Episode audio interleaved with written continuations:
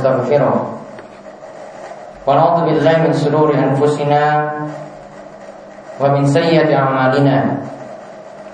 من يهده الله فلا مضل له ومن يضلله فلا هادي له. وأشهد أن لا إله إلا الله وحده لا شريك له.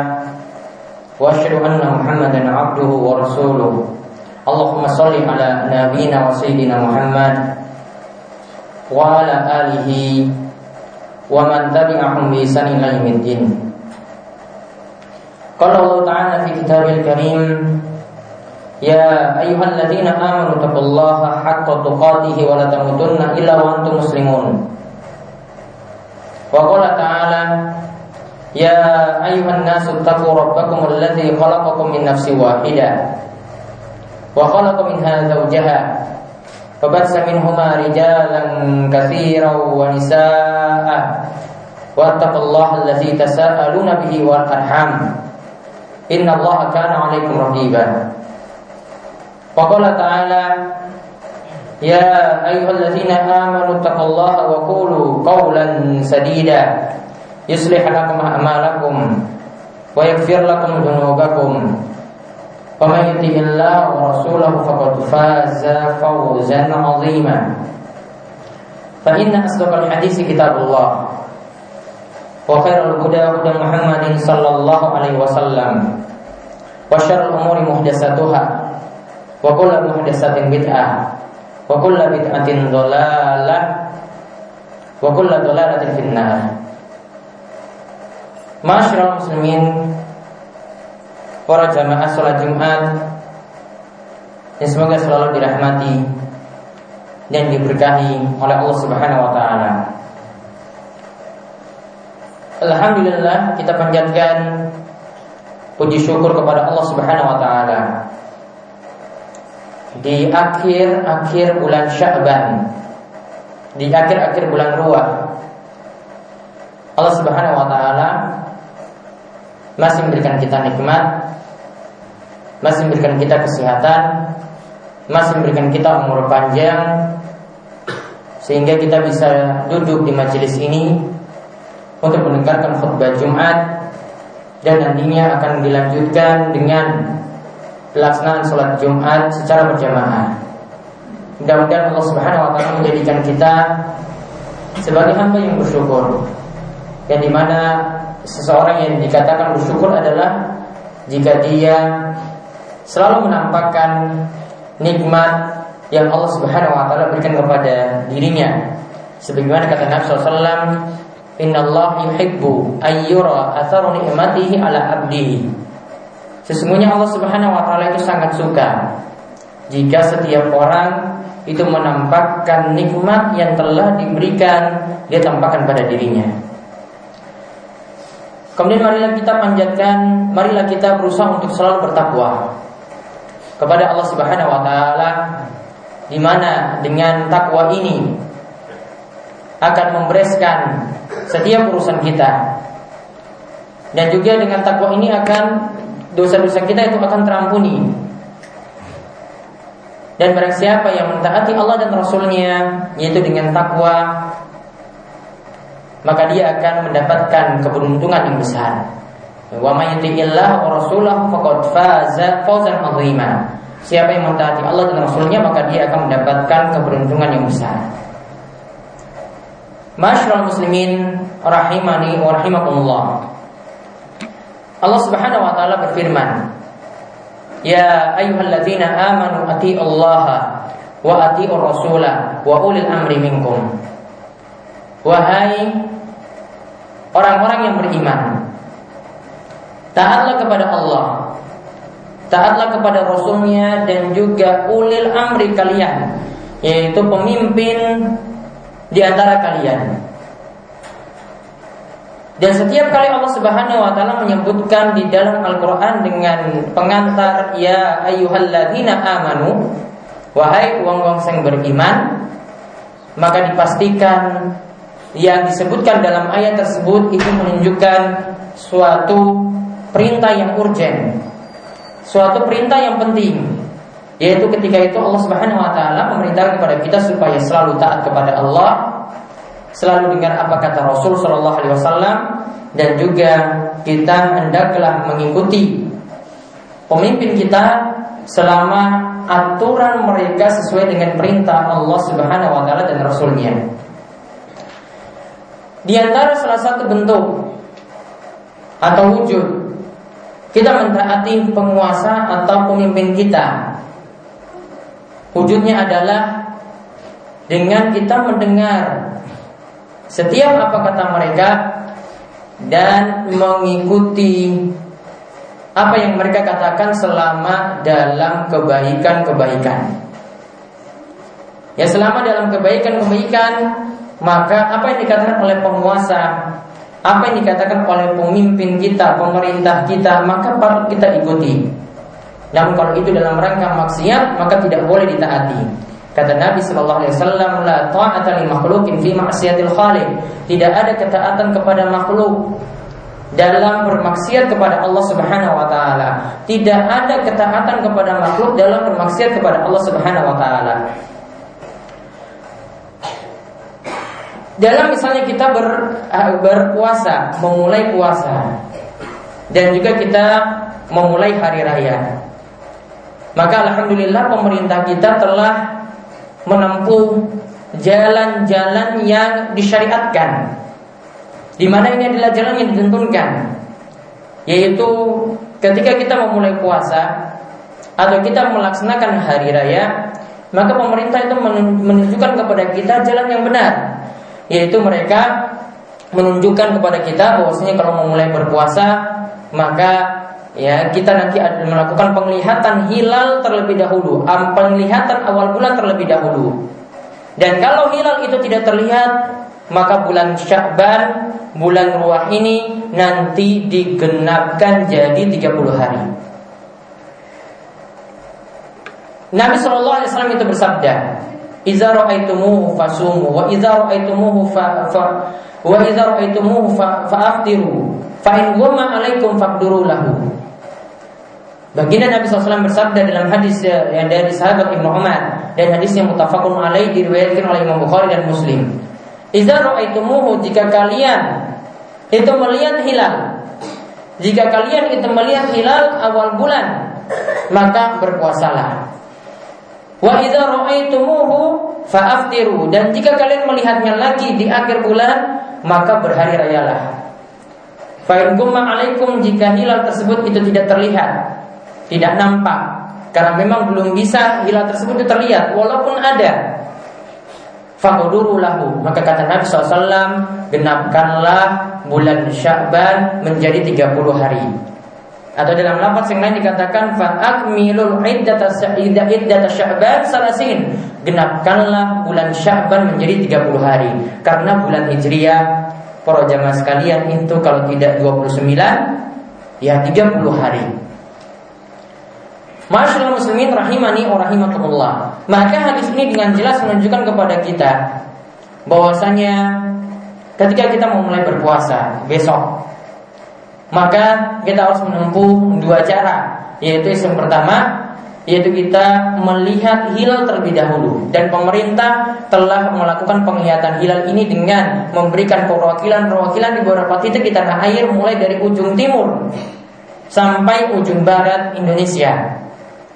Dilakukan penglihatan-penglihatan hilal. Kalau bulan itu nampak, maka nanti besok Sabtu kita akan berpuasa. Nanti penglihatannya pada malam ini. Kalau bulan tidak nampak, maka besok Sabtu tidak berpuasa namun akan ditunda pada hari Ahad besok. Ya, akan ditunda pada hari Ahad besok. Maka tadi dua cara yang ditempuh adalah dengan penglihatan hilal. Kalau hilal tidak terlihat maka bulan Syaban itu akan digenapkan menjadi 30 hari. Sekarang masih tanggal 29 Syaban. Ya, saat ini masih tanggal 29 Syaban dan asalnya bulan itu biasanya 30. Kalau tidak sampai 30 ya karena terlihat hilal sebelumnya maka berarti bulan Sya'ban itu cuma 29 hari saja. Intinya apa yang telah ditumpu oleh pemerintah kita dengan mereka melakukan sidang isbat nanti malam itu adalah cara yang dibenarkan dan ini sesuai dengan apa yang ditunjukkan oleh Nabi Shallallahu Alaihi Wasallam. Ini bukanlah cara kuno. Namun inilah yang sesuai dengan petunjuk Nabi Shallallahu Alaihi Wasallam, ya karena Nabi SAW itu menuntunkan kepada kita dengan melakukan penglihatan, bukan perhitungan, bukan dengan cara hisap. Adapun kalau dengan cara hisap itu cuma sebagai perkiraan saja. Seperti kita menghitung kalender dalam satu tahun hijriah, ya kita menghitung mulai dari bulan Muharram, bulan Suro, kemudian bulan seterusnya lagi, ya sampai pada bulan Rojab, bulan Sya'ban, bulan Muharram, bulan bulan Ramadan, bulan Syawal, Zulqa'dah dan Zulhijjah maka itu sah-sah saja kalau kita menghitung awal bulan akhir bulan. Namun tetap yang jadi rujukan utama adalah nanti hilal itu mesti dilihat terlebih dahulu baru kita mulai berpuasa. Maka tidak tepatlah apa yang jadi keyakinan sebagian orang sudah jauh-jauh hari ya menempuh cara dengan melakukan perhitungan terlebih dahulu langsung diputuskan bahwasanya nanti kita akan berpuasa besok. Tidaklah tepat seperti itu karena yang ditentukan oleh Nabi Shallallahu Alaihi Wasallam ya kita mesti dengan melihat hilal dan orang yang kompeten Orang yang punya kepentingan dalam hal inilah yang nanti akan memutuskannya. Ujung-ujungnya tetap pemerintah yang punya hak untuk memutuskan kapan kita berpuasa dan kapan kita berhari raya. Bukan satu ormas, bukan satu organisasi, bukan satu yayasan, bukan satu pesantren, bukan. Namun ini semua menjadi wewenang dari pemerintah kita. Hal ini berdasarkan hadis yang lainnya lagi. Kenapa pemerintah yang berhak untuk memutuskan puasa dan hari raya? Karena Ibnu Umar itu pernah menyaksikan hilal, pernah menyaksikan awal bulan, namun dia tetap melapor kepada Nabi Shallallahu Alaihi Wasallam. Begitu juga disebutkan dalam hadis Ibnu Abbas, Arab Badui itu juga pernah melihat hilal. Dan dia juga tetap melapor kepada Nabi Shallallahu Alaihi Wasallam. Arab Badui itu lapor kepada Nabi, ini roaitul hilal. Wahai Nabi SAW, aku benar-benar telah melihat hilal. Ya betul kamu melihat hilal. Apakah kamu itu bersaksi? La ilaha illallah. Dia katakan na'am Iya. Terus apa kamu bersaksi juga Muhammad? Dan Rasulullah Kamu bersaksi bahwasanya Muhammad itu adalah utusan Allah? Iya. Kalau begitu Bilal perintahkan kepada para jamaah semuanya besok kita puasa. Semuanya serahkan pada Nabi Shallallahu Alaihi Wasallam. Ini bukan kepentingan ormas, bukan kepentingan organisasi, namun hendaknya itu dirembuk barang-barang kapan kita memulai itu berpuasa, kapan kita mulai hari raya, karena ini menyangkut hajat orang banyak. Jadi kesimpulannya untuk masalah kapan kita berpuasa masih menunggu keputusan pemerintah nanti malam. Insya Allah pemerintah kita akan melakukan sidang isbat selepas maghrib. Sudah nanti akan disiarkan di TV-TV nasional. Mudah-mudahan para jemaah juga bisa menyaksikannya, jadi bisa tahu kapan nanti kita berpuasa dan kapan nanti kita akan berhari raya. Intinya di sini diperkirakan oleh pemerintah berdasarkan hasil perhitungan hisab, ya sebelum adanya penglihatan hilal nanti untuk berpuasa dimulai pada hari Ahad ya pada tanggal 29 Juni 2014 ya diperkirakan ya puasa itu mulai dari dimulai pada hari Ahad bukan pada hari Sabtu. Karena hari Sabtu untuk melihat hilal masih sangat-sangat kecil sekali tidak memungkinkan. Untuk hari Sabtu sangat-sangat kecil sekali ya hilal terlihat pada malam hari ini. Sehingga bulan Sya'ban mesti digenapkan jadi 30 hari jadi keputusan Inilah yang seharusnya kita ambil berdasarkan dalil-dalil yang ada dan itulah yang nanti membuat kita meraih kebaikan karena dengan kebersamaan. Dan selalu pasti Ya kalau kita itu selalu bersama-sama dengan pemerintah kita itu pasti akan menuai kebaikan berbeda kalau kita selalu menyelisihi apa yang telah ditetapkan oleh pemerintah kita. Demikian para jamaah khutbah pertama kali ini aku qauli hadza wa astaghfirullah li wa lakum wa muslimin innahu huwas samiul alim.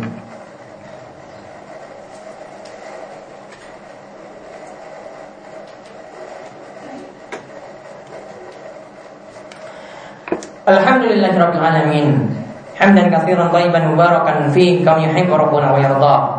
Wa ashadu an la ilaha illallah Wahdahu la syarikalah. Wa ashadu anna muhammadan abduhu wa rasuluh. Allahumma salli ala nabina Muhammad Wa ala alihi wa man tabi'ahum isanin la yumiddin Para jamaah sekalian Kita punya prinsip dalam beragama selalu mengedepankan apa yang dikatakan oleh Allah dan apa yang dikatakan oleh Rasul Shallallahu Alaihi Wasallam.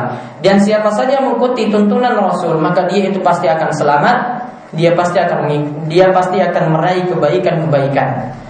Maka Fatimah binti Qais pernah dikatakan oleh Nabi Shallallahu Alaihi Wasallam, taatullahi wa rasulihi khairun laki. Jika engkau itu mentaati Allah dan Rasulnya, wahai Fatimah, maka engkau itu akan menuai kebaikan. Maka dalam segala hal Jika kita mengikuti Allah dan Rasulnya Dalam kita berpuasa, dalam kita berhari raya Maka pasti kita akan menuai kebaikan. Begitu pula ketika kita memasuki bulan Ramadan. Kita lihat di tengah-tengah kita para jamaah Ada yang melakukan amalan yang tidak pernah Nabi SAW tuntunkan. Sebagian masyarakat itu meyakini bahwasanya ketika masuk bulan Ramadan mesti keramasan terlebih dahulu Mesti mandi besar terlebih dahulu. Mesti dengan padusan terlebih dahulu. Tidak ada tuntunan seperti itu Karena untuk mandi besar. Itu pasti ada sebab-sebabnya. Bukan karena masuk ke dalam bulan Ramadan Kita dituntunkan keramasan seperti itu. Begitu pula sebagian masyarakat Yang punya keyakinan pula bahwasanya kita ketika ingin masuk di bulan Ramadan itu mesti melakukan nyekar ziarah kubur mendatangi kuburan. Ya, karena dianggap istimewa waktunya adalah sebelum Ramadan. Padahal Nabi SAW itu memerintahkan secara mutlak kita mau ziarah kubur itu bebas kapan pun tidak ada waktu yang khusus. Kata Nabi SAW zurul kubura fa innahu tudzakirukumul akhirah. Ziarah kuburlah. Lakukanlah ziarah kubur. Ya, karena yang namanya ziarah semacam itu akan semakin mengingatkan kalian pada alam akhirat, akan semakin mengingatkan pada kematian. Nah, marilah kita masuki bulan Ramadan ini sesuai dengan apa yang Nabi SAW tuntunkan. Itulah yang kita ambil, itulah yang kita pegang. Dan dalam setiap ibadah kita, peganglah prinsip ini. Karena siapa saja yang beramal tanpa ada tuntunan maka amalan itu tertolak. Nabi SAW itu mengatakan mana amilah amalan laisa alaihi amruna fawaraddun. Siapa yang melakukan suatu amalan yang tidak pernah dicontohkan oleh Nabi SAW maka amalan tersebut tertolak. Mudah-mudahan Allah Subhanahu wa taala terus memberikan kita petunjuk, memberikan kita kebaikan dan keselamatan dan mudah-mudahan kita dimudahkan juga untuk masuki surga Allah Subhanahu wa taala karena kita berusaha untuk terus mengikuti apa yang Nabi Shallallahu alaihi wasallam turunkan. Di akhir khutbah ini marilah kita banyak bersalawat kepada Nabi SAW karena dengan salawat di hari Jumat ini ya kita akan mudah mendapatkan syafaat dari baginda Nabi sallallahu alaihi wasallam. Innallaha wa malaikatahu yusholluna 'alan nabi Alaihi wa sallimu taslima. Allahumma salli ala Muhammad wa ala ali Muhammad kama sallaita ala Ibrahim wa ala ali Ibrahim innaka Hamidum Majid. Allahumma barik ala Muhammad wa ala ali Muhammad kama barakta ala Ibrahim wa ala ali Ibrahim innaka Hamidum Majid. Marilah kita panjatkan doa kepada Allah Subhanahu wa taala di hari Jumat yang penuh barokah ini. Mugi-mugi Allah memperkenankan setiap doa-doa kita.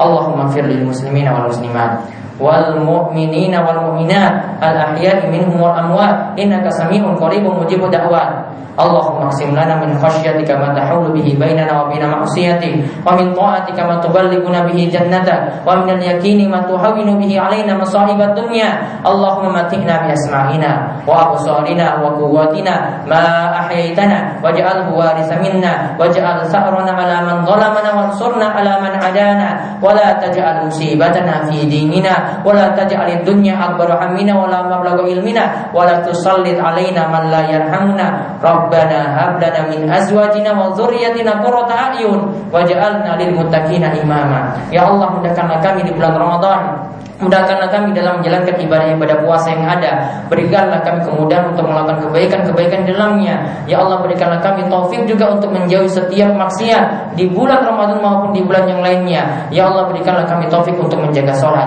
Ya Allah berikanlah kami kemudahan untuk menjaga sholat malam kami Sholat tarawih kami. Ya Allah berikanlah kami ampunan makfirah di bulan Ramadan.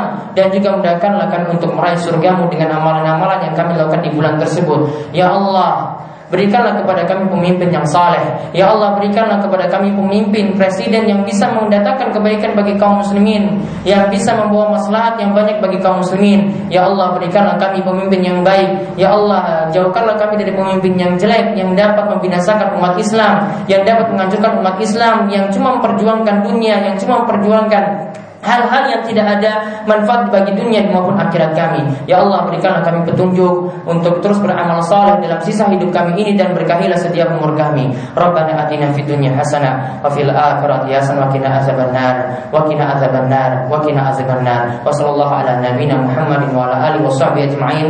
Walhamdulillahi rabbil alamin.